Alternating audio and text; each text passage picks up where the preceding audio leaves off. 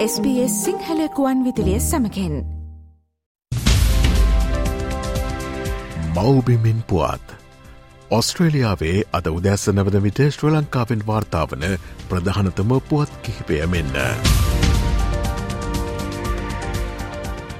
අද සැප්තැම්බර් මාස විසි අටවනිද මෞබිමෙන් පුවත් විශේෂාන්ගෙන් අපි සූදානම් ඊයේ දිනේ ශ්‍රී ලංකාව සිදුව සිදුවීම් දෙස අදත් අවධානයොමු කරන්න. ජාත්‍යන්තර මුල්්‍යාර මුදලේ නියෝජිතීන් පිරිසක් ශ්‍රී ලංකාවට ඇවිල්ලා ඔවුන් ලබා දුන්නු පළවෙනි නායවාරිකය පිළිබඳ සමාලෝචනයෙන් පස්සේ දෙවනි නායවාරිකයක් ඉක්මට ලැබේවි කියලා බොහෝ දෙනෙක් විශ්වාස කරා. නමුත් මේ සමාලෝචනයෙන් ආපු කණ්ඩායම ඊයේ දවසේ ලංකාවේදී මාධ්‍ය හමුවක් පැවැත්තුවා. මේ කණ්ඩායමේ ප්‍රධානියා වන පීට බ්‍රූව සඳහන් කරේ ලංකාවේ ආර්ථිකය යම් සුබදායි ලක්ෂණ පෙන්නුවත් තවත් අංශවල වෙනස්කම් සිද්ධ වෙන්න පුළුවන් කියලා විශේෂයෙන් බදු එකතු කිරීමේ ක්‍රමවේදයේ ගැටලු සම්බන්ධයෙන් මේ කණ්ඩායම යම් කාරණා පෙන්වා දීලා තිබුණා. ඒ අනුව IMF එක මගින් ලබා දෙන දෙවන ණයවාරිකේ නිදහස් කිරීම යම් ආකාරයකින් පමා වෙන්න පුළුවන් කියලත් සඳහන් කරලා තියෙනවා. විශේෂයෙන්ම ඔහු සඳහන් කරා මේ කණ්ඩායමේ ප්‍රධානියා යම් මාණ්ඩලික මට්ටමේ එකඟතාවයකට පිවිසෙන්න පළමු සමාලෝචනයට යටතේ මේ කණ්ඩායම තවදුරටත් සාකච්ඡා කරනවා.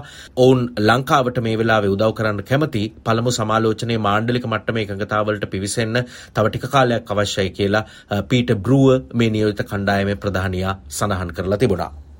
වෘතිකයන් රට හැරයම් පිළිබඳව පහුගේ දිනවල බොහොසයින් සාකච්ඡා වුණා මේ සම්බන්ධයෙන් පාර්ලිමේන්තු විවාදයකට දින දීලා තියෙනවා ලබන මාසේ 6 වෙනිදා තමයි මේ විවාදය පැවැත්වෙන්නේ විපක්ෂයේ අරගෙන ආපු යෝජනාවක් තමයි මේ ආර්ථික අර්බුදය නිසා වෘතිකයන් රට හැර යනවා මේ ප්‍රවණතාවය පිළිබඳව විවාදයක් පවත්වන්න අවශ්‍යයි කියලා පාර්ලිමේන්තු කටයුතු පිළිබඳ කාරක සභාව කතානායකවරයාගේ ප්‍රධානත්වයෙන් රැස්වුණු අවස්ථාවේ තමයි මේ තීරණය අරගෙන තියෙන්නේ අනුව වෘතිකයන් රට හැර යාම පිළිබඳව පාර්ලිමේන්තු විවාදයක් සභාවක් ලබන හයවෙනිද පවත්වන්න නියමිත වෙලා තියෙනවා.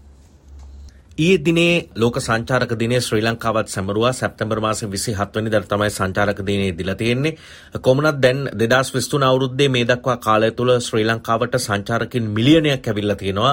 මිලියනය වනි සංචාරකයා විදිහට ඕමානයේ ඉඳලා ශ්‍රී ලංකාවට ආපු රුසියානු ජාතික යුවලක් තමයි නම් කෙරුණේ. සංචාරක සංවර්ධන අධිකාරිය සඳහන් කළා ඒ මේ අවුරුද්දේ ලංකාවට ආපු මිලියනය වනි සංචාරකයා කියලා. ඉතින් සංචාරකයන් පිළිගැනීමේ වැඩසටහන් පවා පවා ගුවන්තොටුපළ පරිශ්‍රයේ සංවිධානය කරලා තිබුණා. ඒත් එක්කම ඊයේ දවසේ ජනාධිපති මාධ්‍ය කේන්ද්‍රයේ ප්‍රවෘත්ති සාකච්ඡාවක් පැවැත්වුණා. ස්ථාවර රටකට සැවම එක මගට කියන තේමාව යටතේ සංචාරක රාජ්‍ය අමාත්‍ය ඩයනා ගමගේ ඇමතිවරිය සංචාරක ක්ෂේත්‍රය පිළිබඳව ශ්‍රී ලංකාවේ තියෙන අවධානය අවකාශය අවස්ථා පිළිබඳව අදහස් දැක්වීමකුත් සිද්ධ කරා. තැඹිලි ගෙඩියක් රුපියල් 500කට දැන් ගන්න සංචාරකයෝ නැහැ. මොකද සංචාරකයෝ දන්නවා තැඹිලි ගෙඩිය කාණ කීයද කියලා. කීප දෙනෙක් මේ රටේ කරන වැරදි හින්දා මුළු රටක් හැටියටම මේක අපිට බලපාන. three wheel associations හදන්න ඕනේ. taxis tourism making supply කරන්න ඕනේ. එතකොට තමයි අපිට මේවා නියාමනය කරන්න පුළුවන්. එතකොට සංචාරකයෝ පාවිච්චි කරන්නේ මේවා විතරයි. එතකොට අනිත් අයට මේක ගසා කණ්ඩ මේ වගේ දේවල් කරන්න ලැබෙන්නේ නැහැ.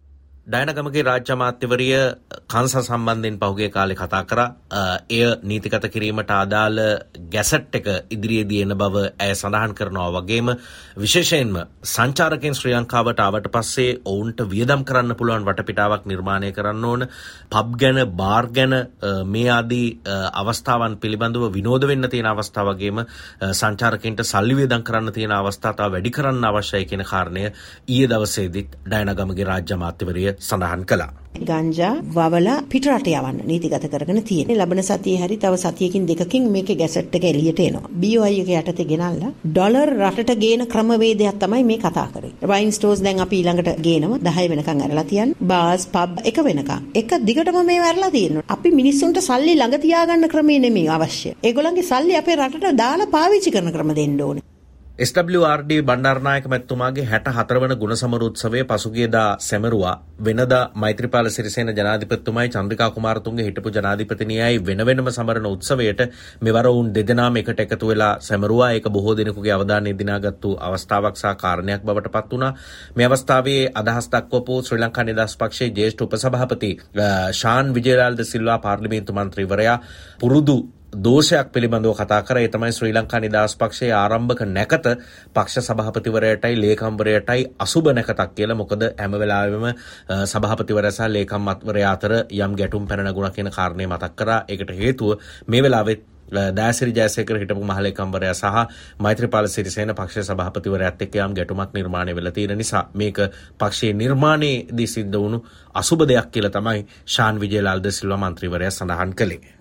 රනිල් වික්‍රමසිංහ ජනාධිපතිවරයා ඊයේ දිනේ ප්‍රංශයේ නිල සංචාරයක් සඳහා පිටත් වෙලා ගියා. ඒ අනුව දිවයිනෙන් බැහැරවින්න කාලේ වැඩ කරන්න වැඩ බලන රාජ්‍ය අමාත්‍යවරු පස් දෙනෙක් පත් කරලා තමයි ජනාධිපතිවරයා ජර්මනිය බලා පිටත් වුණේ.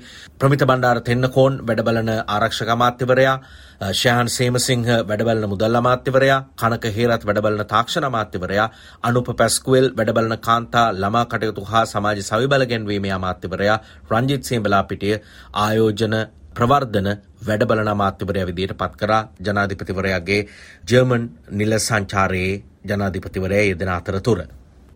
නීති විරෝධී විදිහට ජීප් රථයක් සකස් කිරීම සම්බන්ධයෙන් එකලස් කිරීම සම්බන්ධයෙන් චෝදනා එල්ල වෙලා ආරක්ෂිත බන්ධනාගාරගත කරලා හිටපු නිශාන්ත මුතුහෙට්ටිගම හිටපු පාර්ලිමේන්තු මන්ත්‍රීවරයාව ඊයේ අප මත මුදාහැරියා.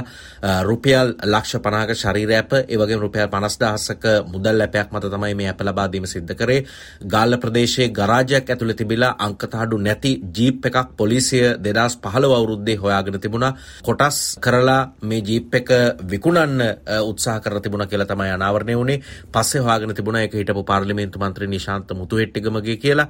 පස්සේ තමයි මේ සම්බන්ධයෙන් නීති ක්‍රියාත්මක කරේ. පෞගේ දහුව අත්අඩංගුවට ගත්තා. ඊයේ දිනේ අප මත මුදාහරින්න තීරණය කරා. ඒ වගේම රාජ්‍ය අමාත්‍ය සනත් නිශාන්ත අධිකරණට අපහාස කරා කියලා චෝදනා එල්ල කරලා ගොනු කරලා තියෙන පැමිණිල්ල ලබන මාසේ 27 වෙනිදා විභාගයට ගන්න අභියාචනාධිකරණය නියම කරලා තියෙනවා.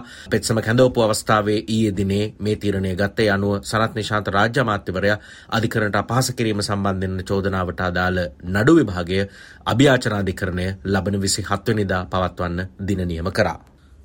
ශ්‍රී ලංකා ආර්ථිකයේ විවිධ ක්‍රියාකාරකම් නිසා විවිධ කණ්ඩායම් අපහසුතාවයට පත්වෙනවා අහන්න දකින්න ලැබුණා. ඒ අනුව ඊයේ දවසේ මුදල් රාජ්‍ය අමාත්‍යවරයා සඳහන් කළා රුපියල් ලක්ෂයකට අඩු තැන්පතු තියෙන ජ්‍යෙෂ්ඨ පුරවැසියන්ට පොලිය රඳවා ගැනීම නිසා ඇතිවෙලා තියෙන ගැටලු විසඳා අලුත් චක්‍රලේඛයක් නිකුත් කරා කියලා. ඒ අනුව රුපියල් ලක්ෂයට අඩු තැන්පත් තියෙන ජ්‍යෙෂ්ඨ පුරවැසියන්ට රඳවා ගැනීමේ බද්ද නිසා මේ වෙනකම් මුහුණ දෙන්න වුණු ප්‍රශ්නයට ඔවුන්ට විසඳුම් ලබා දීලා තියෙනවා. ඔහු කිව්වේ මේ ගැටලු සම්බන්ධයෙන් විමසා බලන්න ඉදිරියේදීත් කටයුතු කරනවා කියලා රුවන්වැල්ලේදී මාධ්‍ය වෙත අදහස් පළ කරමින් ඊයේ දවසේ රංජිත් සේඹලාපිටිය මුදල් රාජ්‍ය අමාත්‍යවරයා මේ පිළිබඳව අදහස් දැක්වුවා. නීතිමය රාමුවත් ආරක්ෂා කරගෙන ඒ සඳහා සැබෑ ජ්‍යෙෂ්ඨ පුරවැසියට ඒ කියන්නේ මේ අඩු පොලි ආදායමක් ලබන ජ්‍යෙෂ්ඨ පුරවැසියට ලැබෙන සහනෙන් තවත් වැඩි ආදායම් ලබන කෙනෙකුට අනවශ්‍ය ප්‍රයෝජනයක් ලබා ගැනීමේ හැකියාවත් වහලා ඒකට තියෙන ඉඩත් නැති කරලා මේ ක්‍රමය තුලින් හැබෑවට බදු ආදායමකට යටත් නොවන පොලි ආදායමක් ලබන කරන ජ්‍යෙෂ්ඨ පුරවැසියෙකුට වර්ෂයක් බලා ඉන්නේ නැතුව කෙටි කාලයක් තුල තමන්ගේ මුදල ආපසු ගන්න ක්‍රමවේදයක් දේශීය ආදායම් බදු දෙපාර්තමේන්තුව නිර්මාණය කරලා තියෙනවා. මම ශ්‍රී ලංකාවේ සිට මනෝ ජුදටියාවල හෙටත් අපි මෞබිමෙන් පුවත් විශේෂන්ගයෙන් මුණගැහැමු. මෞබිමෙන් පුවත් ශ්‍ර ලංකාවෙන් වාර්තාාවන ප්‍රධානතම පුවත් කිහිපය SBS Sinhala සේවෙන්.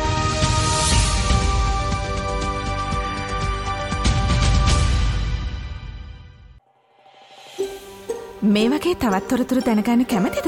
එහමනම් Apple podcast Google podcast Spotify ඔබගේ පොඩ්කාස්ට ලබාගන්න ඕනෑම මාතයකින් අපට සවන්දය හැකේ.